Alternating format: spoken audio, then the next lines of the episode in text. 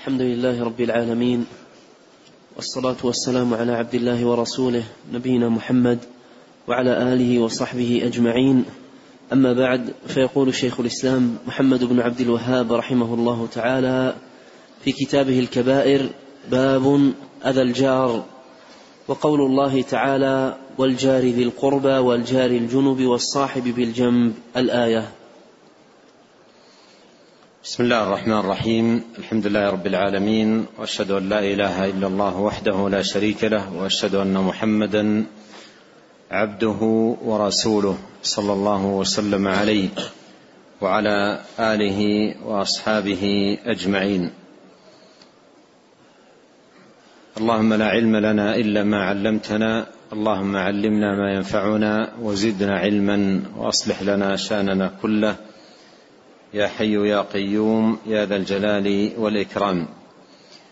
أما بعد قال رحمه الله تعالى باب أذى الجار أي أن ذلك من الكبائر. وسيأتي في حديث النبي صلى الله عليه وسلم قسمه عليه الصلاة والسلام بالله أنه لا يؤمن من لا يأمن جاره بوائقه. والبوائق كما ذكر رحمه الله الغوائل والشرور. وهذا فيه أن من يؤذي جاره يكون بذلك ارتكب كبيرة من الكبائر لأن الإيمان لا ينفى إلا فيما هو كبير. والقاعدة في هذا الباب أن نفي الإيمان إما أن يكون في ترك واجب أو فعل محرم.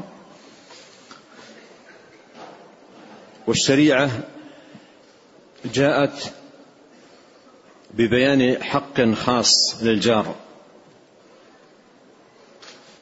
وذلك أن الجار لجاره به صلة ورؤية متكررة وكل منهما يكاد يكون مطلع. على كثير من أحوال جاره وأموره ويتكرر منهم اللقاء. وربما أيضا احتاج الجار إلى معونة جاره ولا سيما في غيبة له أو في سفر أو حال مرض أو نحو ذلك. فجاءت الشريعة بالتأكيد على هذا الحق العظيم حق الجار. حتى إن الوصاة بالجار جاءت متكررة وتكرر جبريل تكرر من جبريل الوصية للنبي صلى الله عليه وسلم بالجار. حتى قال عليه الصلاة والسلام ما زال جبريل يوصيني بالجار. ما زال جبريل يوصيني بالجار. حتى ظننت أنه سيورثه. أي يجعل له حظ ونصيب من الميراث من كثرة ما تكررت الوصية بالجار من جبريل للنبي الكريم صلوات الله وسلامه وبركاته عليه. وهذا يبين أن الجار له حق عظيم. وحق الجار يتلخص في الجملة في أمرين. الأمر الأول الإحسان إليه. ما استطاع الإنسان وباب الإحسان واسع. من حسن لقاء وإلقاء سلام وطيب معاملة ولطف في الحديث وسؤال عن الحال وعيادة له إذا مرض. إلى غير ذلك من أبواب الإحسان وهي كثيرة جدا. والأمر الثاني كف الأذى. كف الأذى وأن يأمن جاره بوائقه. لا يكون منه تجاه جاره أي اعتداء. لا بقول ولا بفعل. سواء منه مباشرة أو بأشياء تكون في بيته تؤذي جاره. من أصوات عالية أو روائح كريهة. أو غير ذلك من الأمور. فالجار في الشريعة حقه عظيم جدا والواجب على المسلم أن يتقي الله سبحانه وتعالى في جاره وأن يقوم بأداء هذا الحق طاعة لله سبحانه وتعالى. قال وقول الله تعالى والجار ذي القربى والجار الجنب والصاحب بالجنب. هذا فيه أن الجار أو الجيرة لها أحوال. قد يكون إنضاف إلى الجيرة قرابة. قد يكون إنضاف إلى الجيرة قرابة. وقد تكون جيرة ليس معها قرابة. وقد تكون جيرة بإسلام أو بدون إسلام. وأعظم الجار حقا هو الجار المسلم القريب. ثم يليه الجار المسلم ليس قريبا للإنسان. ثم يليه الجار غير المسلم. الجار غير المسلم. ومما حفظته الشريعة في حق الجار حتى لو كان غير مسلما. حتى لو كان غير مسلما يحسن إليه الإنسان ويرى من معاملاته ما جاءت به هذه الشريعة لعل هذه المعاملة تكون سببا لهدايته ودخوله في هذا الدين. ومما جاء في الأدب المفرد للامام البخاري أن ابن عمر أو ابن عمرو ذبح شاة وطلب من غلامه أن يذهب بشيء منها لجار يهودي. فقيل له اليهودي يعني يتأكدون هل هل يقصد فلان؟ قال نعم. سمعت رسول الله صلى الله عليه وسلم يقول ما زال جبريل يوصيني بالجار حتى ظننت أنه سيورثه. وهذا فقه من ابن عمر رضي الله عنه أن الحديث يتناول حتى غير المسلم وأن هذا الإحسان نوع من أنواع التأليف لقلبه لعل الله سبحانه وتعالى يجعل ذلك سببا لهدايته للإسلام. نعم. قال رحمه الله تعالى عن أبي شريح رضي الله عنه مرفوعا من كان يؤمن بالله واليوم الآخر فليكرم ضيفه ومن كان يؤمن بالله واليوم الآخر فليحسن إلى جاره. ومن كان يؤمن بالله واليوم الآخر فليقل خيرا أو ليصمت. أخرجاه. قال عن أبي شريح رضي الله عنه مرفوعا من كان يؤمن بالله واليوم الآخر فليكرم ضيفه. ومن كان يؤمن بالله واليوم الآخر فليحسن إلى جاره. ومن كان يؤمن بالله واليوم الآخر فليقل خيرا أو ليصمت أخرجاه. الشاهد منه الجملة الوسطى وهي قوله ومن من كان يؤمن بالله واليوم الآخر فليحسن إلى جاره.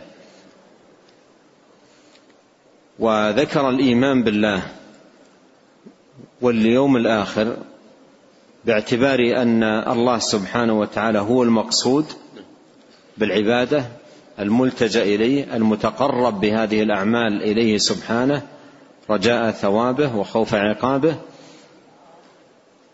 وذكر اليوم الآخر باعتبار أن يوم الآخر موطن أو يوم الجزاء والحساب والمعاقبة على الأعمال. ليجزي الذين أساءوا بما عملوا ويجزي الذين أحسنوا بالحسنى. وهذا الإيمان باليوم بالله واليوم الآخر يقتضي من المؤمن أن يؤدي الأعمال الصالحة التي أمره الله سبحانه وتعالى بها وأن يتجنب الأعمال المحرمة التي نهاه الله سبحانه وتعالى عنها. فالإيمان يقتضي ذلك ولهذا قال من كان يؤمن بالله واليوم الآخر فليحسن إلى جاره. من كان يؤمن بالله واليوم الآخر فليحسن إلى جاره. أي مما يقتضيه هذا الإيمان أن يحسن المرء إلى جاره. والإحسان إلى الجار كما قدمت يتناول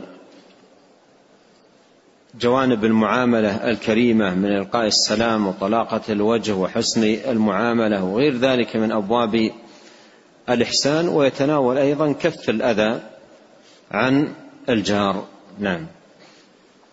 قال رحمه الله تعالى ولمسلم عن أبي هريرة رضي الله عنه مرفوعا والله لا يؤمن والله لا يؤمن والله لا يؤمن. قيل من يا رسول الله؟ قال الذي لا يأمن جاره بوائقه البوائق الغوائل والشرور. قال رحمه الله تعالى ولمسلم عن أبي هريرة رضي الله عنه مرفوعا والله لا يؤمن والله لا يؤمن والله لا يؤمن. كررها هكذا مباشرة بدأ عليه الصلاة والسلام ثلاث مرات يقسم بالله والله لا يؤمن والله لا يؤمن والله لا يؤمن. يقسم بالله ثلاث مرات على نفي الإيمان عن من فعل وصفا معينا أو عملا معينا لكن لم يذكره قال والله لا يؤمن والله لا يؤمن والله لا يؤمن. قال الصحابة من يا رسول الله؟ من هذا الذي أقسمت هذه الأقسام الثلاثة بالله أنه لا يؤمن؟ والتكرار هذا للتأكيد وبيان عظم الأمر وخطورته.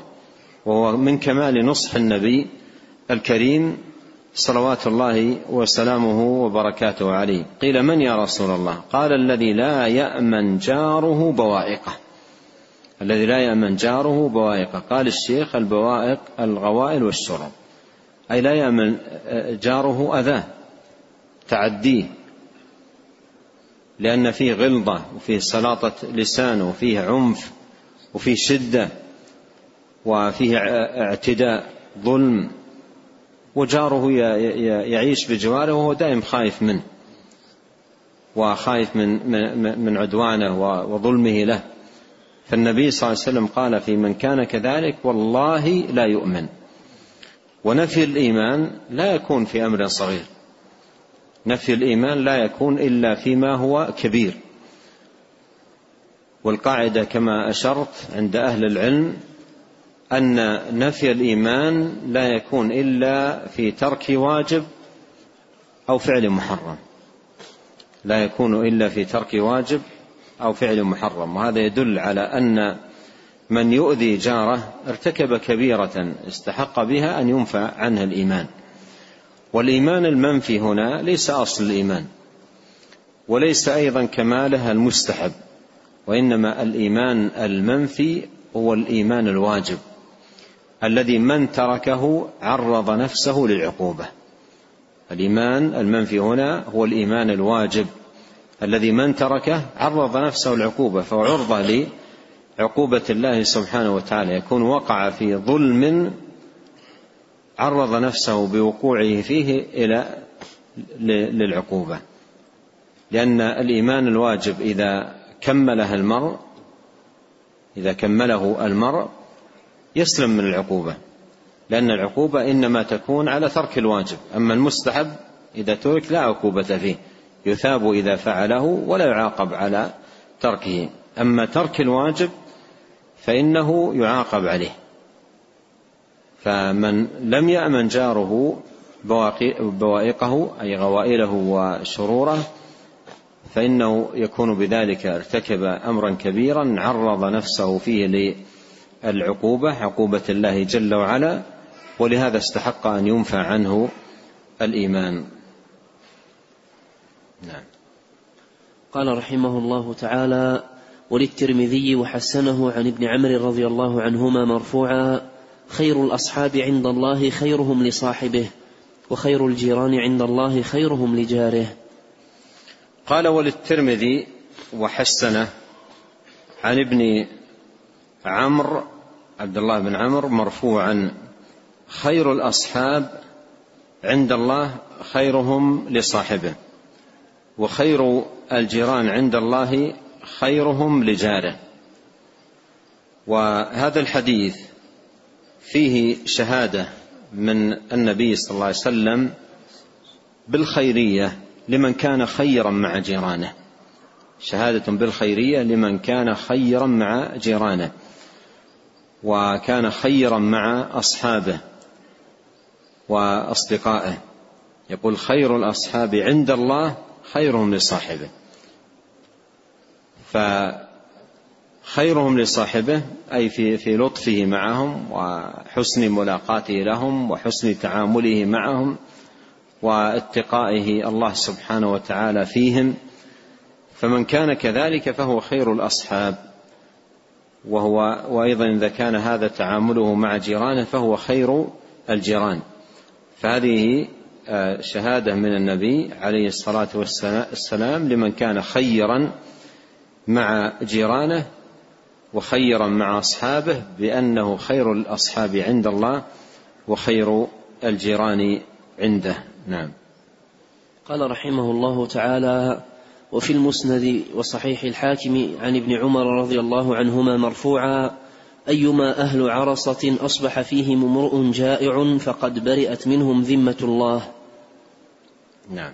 وفي صحيح الحاكم عن ابن عباس رضي الله عنهما مرفوعا ليس المؤمن الذي يشبع وجاره جائع. وفي رواية لا يؤمن من بات شبعان وجاره طاو قال وفي المسند وصحيح الحاكم عن ابن عمر مرفوعا أيما أهل عرصة أصبح فيهم امرؤ جائع فقد برئت منه الذمة فقد برئت منه الذمة. ومثله أيضا في في في الحديث الذي بعده ليس المؤمن الذي يشبع وجاره جائع. في رواية لا يؤمن من بات شبعان وجاره طاو. وهذا فيه أن من حق الجار إن علم من حال جاره مثل هذا الوصف الذي جاء في آه، الحديث أنه طاوي أي يبيت لا لا, لا يجد طعاما يتغذى به ويتغذى به أولاده ثم يكون جاره إلى جنبه يبات شبعان وعنده فضل زاد وأمور زائدة عن حاجته ويعلم هذا من حال جاره ولا يبالي بذلك فهذا لا شك أنه من نقص إيمانه وضعف دينه. وإلا فإن الإيمان يحقق في اهله من معاني الأخوة والتكافل والتعاون ما لا يوجد في آه، غير هذا الدين العظيم. وفي الحديث مثل المؤمنين في توادهم وتراحمهم مثل الجسد الواحد. إذا اشتكى منه عضو تداعى له سائر الجسد بالحمى والسهر. فكيف يكون شخص يكون جاره إلى جنبه جائعا يبيت طاويا لا يجد شيئا يأكله وهو قد شبع وعنده فضل زاد ليس محتاجا إليه. ومع ذلك يترك جاره ولا يبالي بشدته وحاجته. فجاء في هذا الحديث برئت منه الذمة وفي الحديث الذي بعده قال ليس المؤمن وفي الرواية الأخرى قال لا يؤمن. وهذا يدل على أن هذا حق من حقوق الجار إذا كان بهذه الشدة وبهذه الحاجة أن يتفقد آه، جاره حاله وأن يعطيه من فضل الزاد الذي عنده. نعم. قال رحمه الله تعالى باب الاستخفاف بأهل الفضل. قال عن ابن عمرو رضي الله عنه مرفوعا ليس منا من لم يرحم صغيرنا ولم يعرف شرف كبيرنا. صححه الترمذي. قال باب الاستخفاف بأهل الفضل أي أن هذا من الكبائر والاستخفاف بهم أي الانتقاص من قدرهم والاحتقار لهم والازدراء والتقليل من شأنهم ومكانتهم قال باب الاستخفاف بأهل الفضل.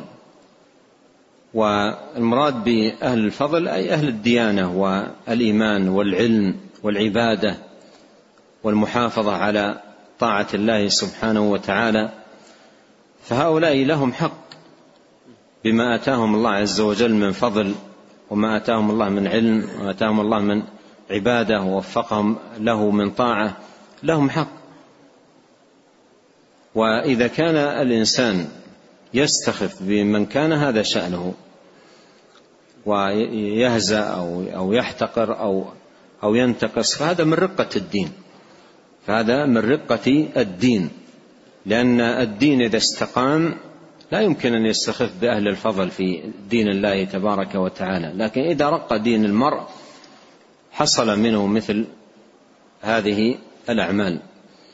قال عن ابن عمرو رضي الله عنهما مرفوعا ليس منا من لم يرحم صغيرنا ولم يعرف شرف كبيرنا صححه الترمذي.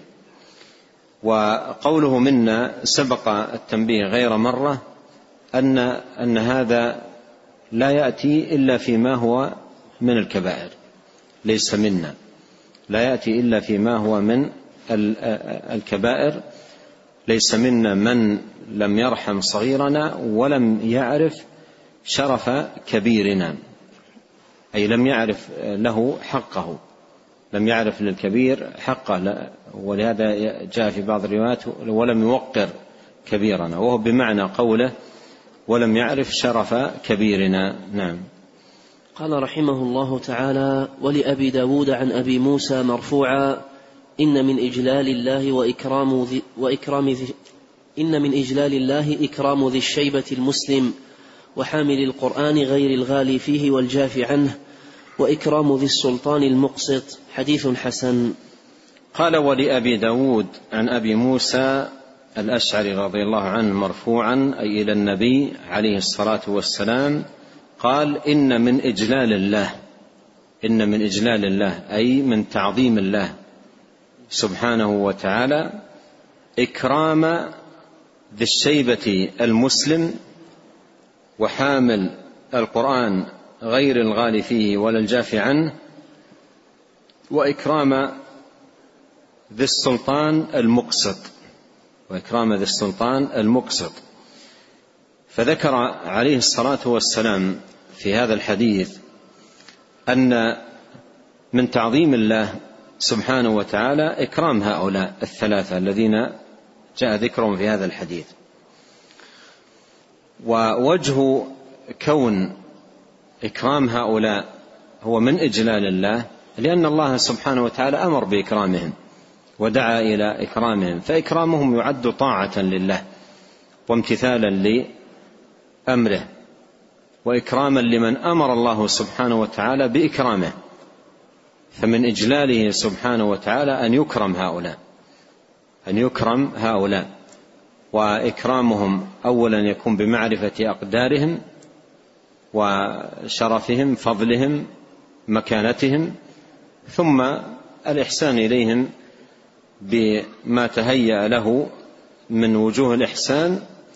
ثم الأمر الثالث البعد عن الإساءة إليهم. بأي نوع من الإساءة ولهذا أورده في هذه الترجمة باب الاستخفاف بأهل الفضل. لأن هؤلاء حقهم الإكرام. لأن هؤلاء حقهم الإكرام. فمن استخف بهم أين إجلال الله سبحانه وتعالى؟ من استخف بأهل الفضل أين إجلال الله سبحانه وتعالى المأمور به أو المطلوب في هذا الحديث؟ قال إن من إجلال الله إكرام ذي الشيبة المسلم. إكرام ذي الشيبة المسلم. ذي الشيبة المسلم من شاب في الإسلام. الشيبة المسلم من شاب في الإسلام. هذا الذي شاب في الإسلام له حق. وشيبته هذه في في الإسلام أمر له توقيره له احترامه له شرفه له مكانته. ينبغي ألا يجهل وألا يستهان به.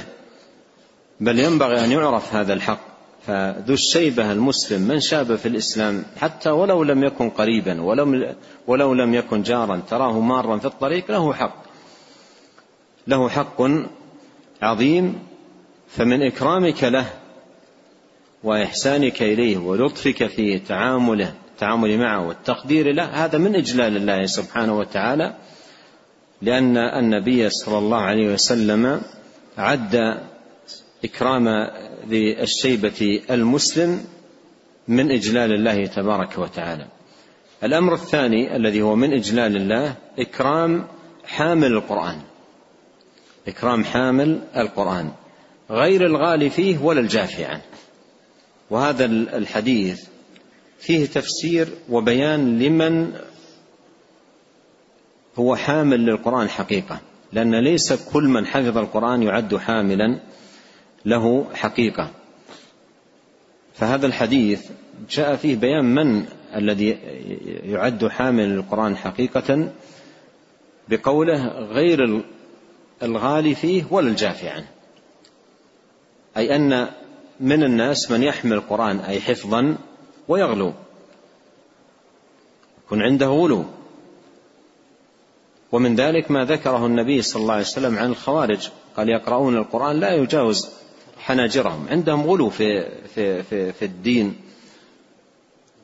و وذكر عليه الصلاة والسلام أنهم يقرؤون القرآن. حتى قال للصحابة تحقرون صلاتكم مع صلاتهم وقراءتكم مع قراءتهم.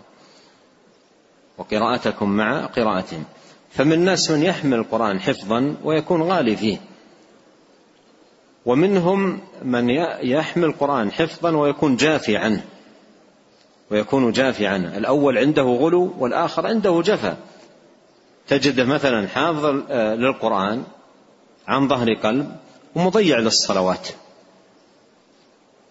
ومضيع للصلاة مفرط فيها.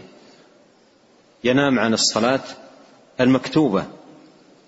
والنبي عليه الصلاة والسلام ذكر في الحديث الصحيح وفي البخاري في الذين رآهم عليه الصلاة والسلام يعذبون فذكر منهم رجل يؤتى بالصخرة وتلقى على على رأسه حتى يتهشم ثم يعود كما كان وتلقى عليه قال هؤلاء الذين ينامون عن الصلاة المكتوبة.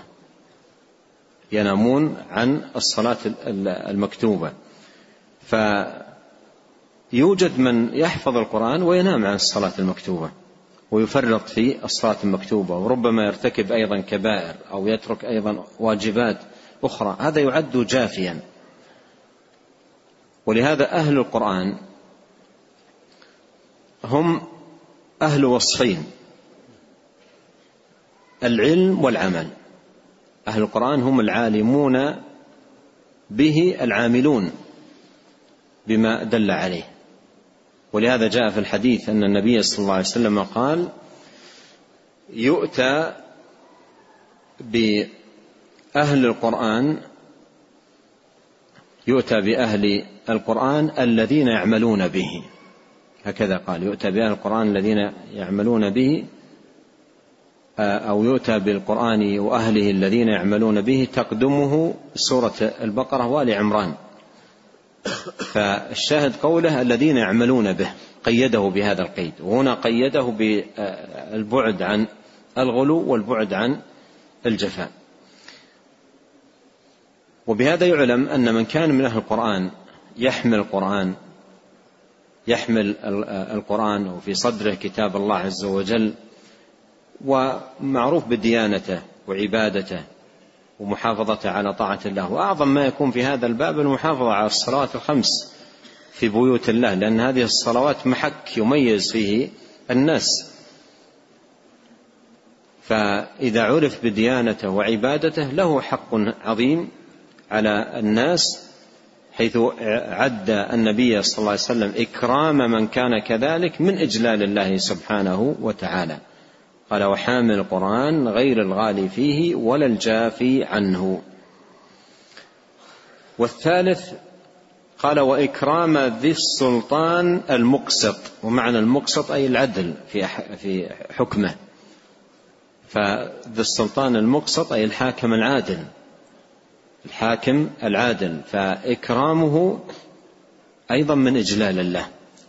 إكرامه أيضا من إجلال الله. فهؤلاء ثلاثة آه ذكر النبي عليه الصلاة والسلام آه أهمية إكرامهم والإحسان إليهم وأن إكرامهم من إجلال الله سبحانه وتعالى. وكلهم يتناولهم قول المصنف في الترجمة أهل الفضل. فهؤلاء كلهم أهل فضل الذي هو ذو الشيبة المسلم وحامل القرآن غير الغالي فيه والجافي عنه والسلطان المقسط. هؤلاء كلهم أهل فضل ينبغي أن يعرف فضلهم ويعرف قدرهم وأن يحرص الإنسان على إكرامهم ومعرفة أقدارهم ويتجنب الاستخفاف بهم أو الانتقاص من أقدارهم ومكانتهم. نعم. قال رحمه الله تعالى ولأحمد بسند جيد ليس منا من لا يجل كبيرنا ولا يرحم صغيرنا ولا يعرف لعالمنا حقه. انتهى.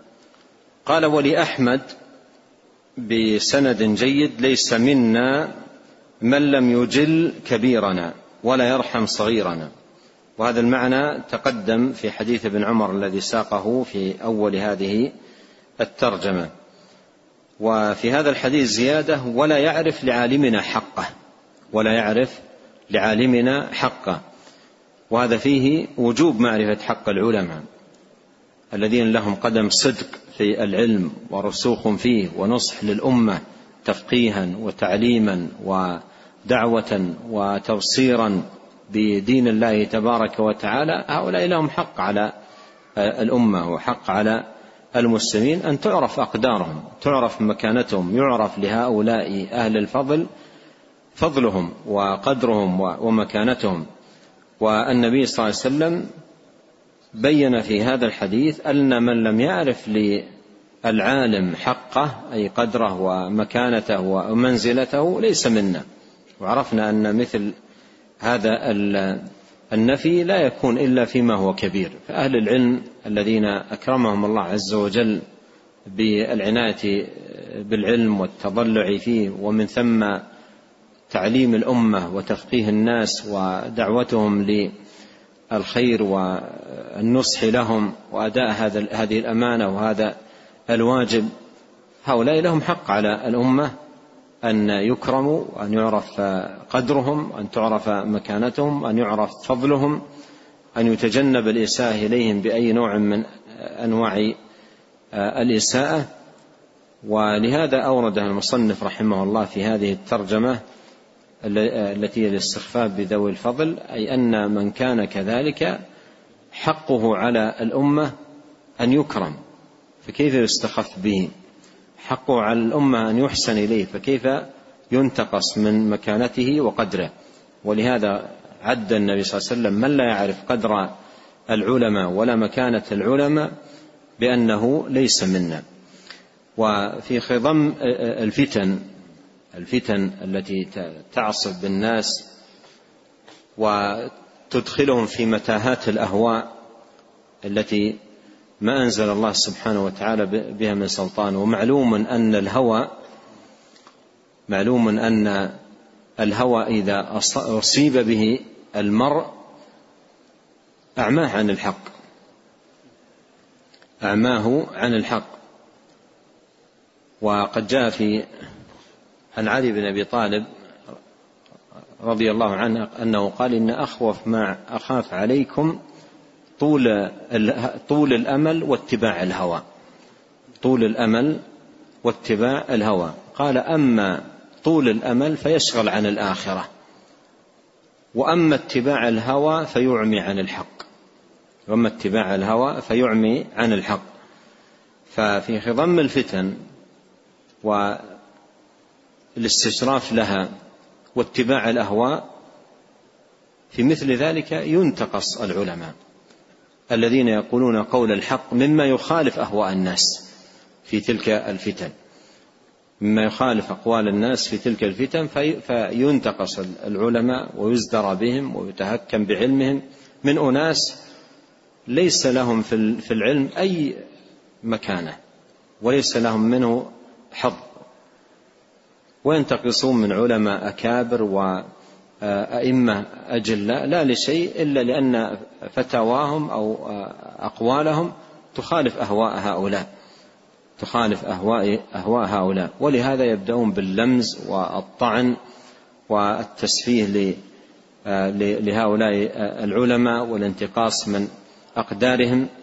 فأين هؤلاء من قول النبي عليه الصلاة والسلام؟ ليس منا من لم يعرف لعالمنا حقه.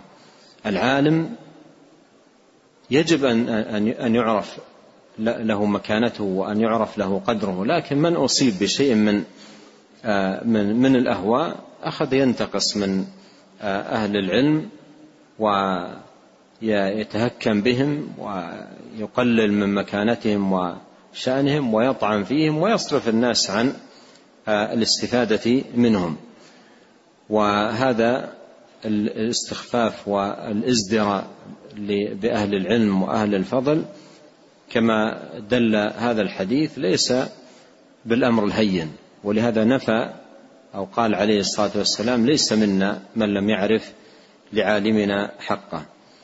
ونسأل الله عز وجل أن يوفقنا أجمعين لما يحبه ويرضاه من سديد الأقوال وصالح الأعمال وأن يغفر لنا ولوالدينا ولمشايخنا وللمسلمين والمسلمات والمؤمنين والمؤمنات الأحياء منهم والأموات. اللهم آت نفوسنا تقواها وزكها. أنت خير من زكاها أنت وليها ومولاها. اللهم إنا نسألك الهدى والتقى والعفة والغنى. اللهم اقسم لنا من خشيتك ما يحول بيننا وبين معاصيك ومن طاعتك ما تبلغنا به جنتك ومن اليقين ما تهون به علينا مصائب الدنيا. اللهم متعنا بأسماعنا وأبصارنا وقوتنا ما احييتنا واجعله الوارث منا واجعل ثأرنا على من ظلمنا وانصرنا على من عادانا ولا تجعل مصيبتنا في ديننا ولا تجعل الدنيا أكبر همنا ولا مبلغ علمنا ولا تسلط علينا من لا يرحمنا. سبحانك اللهم وبحمدك أشهد أن لا إله إلا أنت أستغفرك وأتوب إليك. اللهم صل وسلم على عبدك ورسولك نبينا محمد وآله وصحبه أجمعين. جزاكم الله خيرا.